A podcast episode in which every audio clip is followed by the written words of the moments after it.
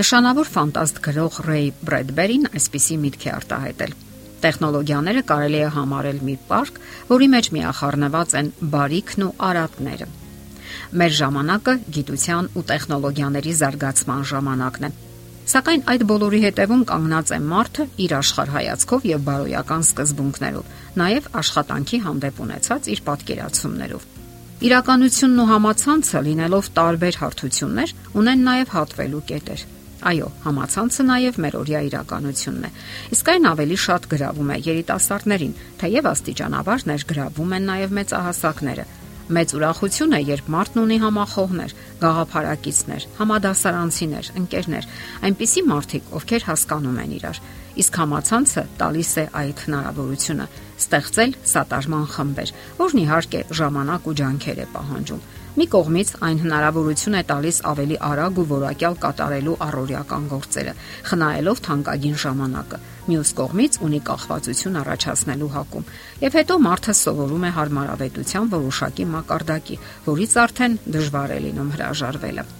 Իսկ ինչ սպառնալիքներ են ներկայացնում տեխնոլոգիաները։ Մարդը սկսել է վստահել տեխնոլոգիաներին, այնքան էլ լավ չհասկանալով դրանց լեզուն Իսկ այդ դեպքում կա վտանգ դառնալու խափեփաների, վիրտուալ բռնացողների եւ ագրեսիվ անձանց զոհը։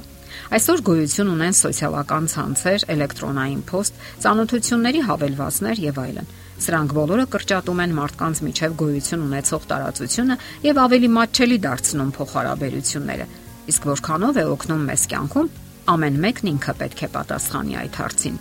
Ով չի սիրում ունենալ շատ ընկերներ։ Սոցիոլոգները վաղուց են նկատել, որ որքան շատ ընկերներ է ունենում մարդը, այնքան ավելի երջանիկ է զգում իրեն։ Կողքին գտնվող ընկերների ներկայությունը վստահություն է հաղորդում։ Հարազատները, ընկերները, հարևանները, ծանոթները այն սոցիալական կապիտալն են, որ օգնում են կյանքում։ Մի հասարակ ձերք սեղմումն անգամ կարող է օգնել մեզ աշխատանք կամ լավ բժիշկ գտնելու հարցում։ Ծանոթություններն իրականության մեջ օգնում են, որ դժվար պահերին սատարում գտնենք, թեև հնարավոր է չենք սիրում կարճել մարդկանցից, եւ վերջապես կապերն օգնում են, որ մենք շատախոսենք հարազատ մարդկանց հետ եւ թեթևանանք։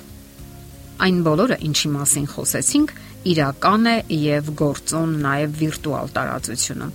2011 թվականին ամերիկյան հոկեբանները ողրզել են, որ որքան շատ ընկերներ ունի մարդը Facebook սոցիալական ցանցում, այնքան ավելի գոհ է կյանքից։ Ժամանակին հասարակությունը պարզապես էйֆորիայի մեջ էր, երբ հայտնվեց Օդնոկլասնիկ սոցիալական ցանցը։ Ոմանք մոռացել էին աշխատանքներն ու ընտանիքը եւ ժամերով գամված էին համակարգչի էկրանին։ Նրանք ժամերով հայտնաբերում էին հին ու անհետացած ընկերներին, համադասարանցիներին ու հարևաններին, իրենց առաջին սիրուն եւ պարզապես թափառում էին այդ վիրտուալ ոլորտում։ Ահա թե ինչու որոշ հոգեբաններ այն կարծիքին են, որ համացանցն ավելի շատ օգուտ է տալիս, քան վնաս, եթե իհարկե օգտագործում են խելամիտ ձևով։ Ի վերջո այսօր հայ հասարակության մի ստվար զանգված ապրում է երկրից դուրս եւ շփման միակ ձևը մնացել է համացանցը։ Այդ առումով համացանցը շատ է օգնում այն մարդկանց, ովքեր դուրս են մնացել հասարակական երանդուն կյանքից եւ ովքեր հակված են դեպրեսիայի։ Հոգեբանները նկատել են, որ նրանք ավելի լավ եւ օգտակար են զգում իրենց, երբ հաղորդագրություններ, մեկնաբանություններ, լայքեր կամ սրտիկներ են ստանում։ Դրանից բացի սոցիալական ցանցերում շփումները կյանքին նոր իմաստ են հաղորդում տարեց մարդկանց կյանքին։ 70-ամյա Միկին գրում է. Համացանցի միջոցով ես տեղեկանում եմ այն մասին, թե ինչ է տեղի ունենում աշխարի ամենահեռավոր անկյուններում անգամ։ Պատասխանում եմ էլեկտրոնային հաղորդագրություններին Թորներս ինձ միացրել են մի կայքի, որտեղ կարելի է դասական երաժշտություն լսել։ Նրանք նույնիսկ ասում են. «Տատիկ, իսկ միգուցե ժամանակն է քեզ համար անձնական բլոգ ունենալու»։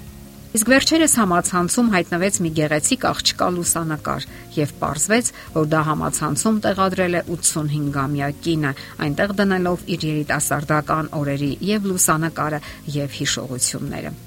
Երբեմն անհրաժեշտ է լինում պարզապես հեռացնել որոշ այսպես կոչված ընկերների։ Նրանք սկսում են նյարդայնացնել կամ անհարկի միջամտություններ կատարել։ Զգում եք, որ հարկավոր է արգելափակել այս կամ այն անznավորությունը, որ նա ազդում է ձեզ վրա եւ անլուրջ դիտավորություններ ունի։ Կարիք չկա բացատրելու կամ parzabanumների ու բանավեճերի գնալու կամ էլ parzabanելու, թե ում կենսական փիլիսոփայությունն է ավելի կենսունակ ու ճիշտ։ Ի վերջո հնարավոր չէ դուր գալ բոլոր մարդկանց Ոմանց դուր չեն գալիս, ոմանք էլ մեզ չեն դուր գալիս, եւ մենք էլ կարող ենք դուր չգալ որոշ մարդկանց։ Կամ արդյոք ինչ որ բան ենք պարտք հազիվ ծանոթացած մարդկանց։ Սա կյանքն է, որտեղ նրանք պարապությունից թե միայն իրենց հայտնի պատճառներով տհաճ մեկնաբանություններ ու կոմենտներ են գրում։ Առանց ձեզ ված զգալու կարող եք նրանց հեռացնել։ Կա իհարկե այս վտանգը կախվածություն։ Հարկավոր է պարզապես գիտակցել կախվածությունը եւ լիակատար հսկողություն սահմանել ժամանակի վրա։ Բարդ է այն դեպքը, երբ համացանցը կապված է աշխատանքի հետ։ Հակառակ դեպքում դա լիովին հնարավոր է։ Մեր օրերում իհարկե բարդ է պատկերացնել կյանքն առանց ժամանակակից տեխնոլոգիաների, սակայն լիովին հնարավոր է քչացնել նրան տրամադրվող ժամանակը եւ ավելի շատ օգտվել թղթե տպագիր խոսքից։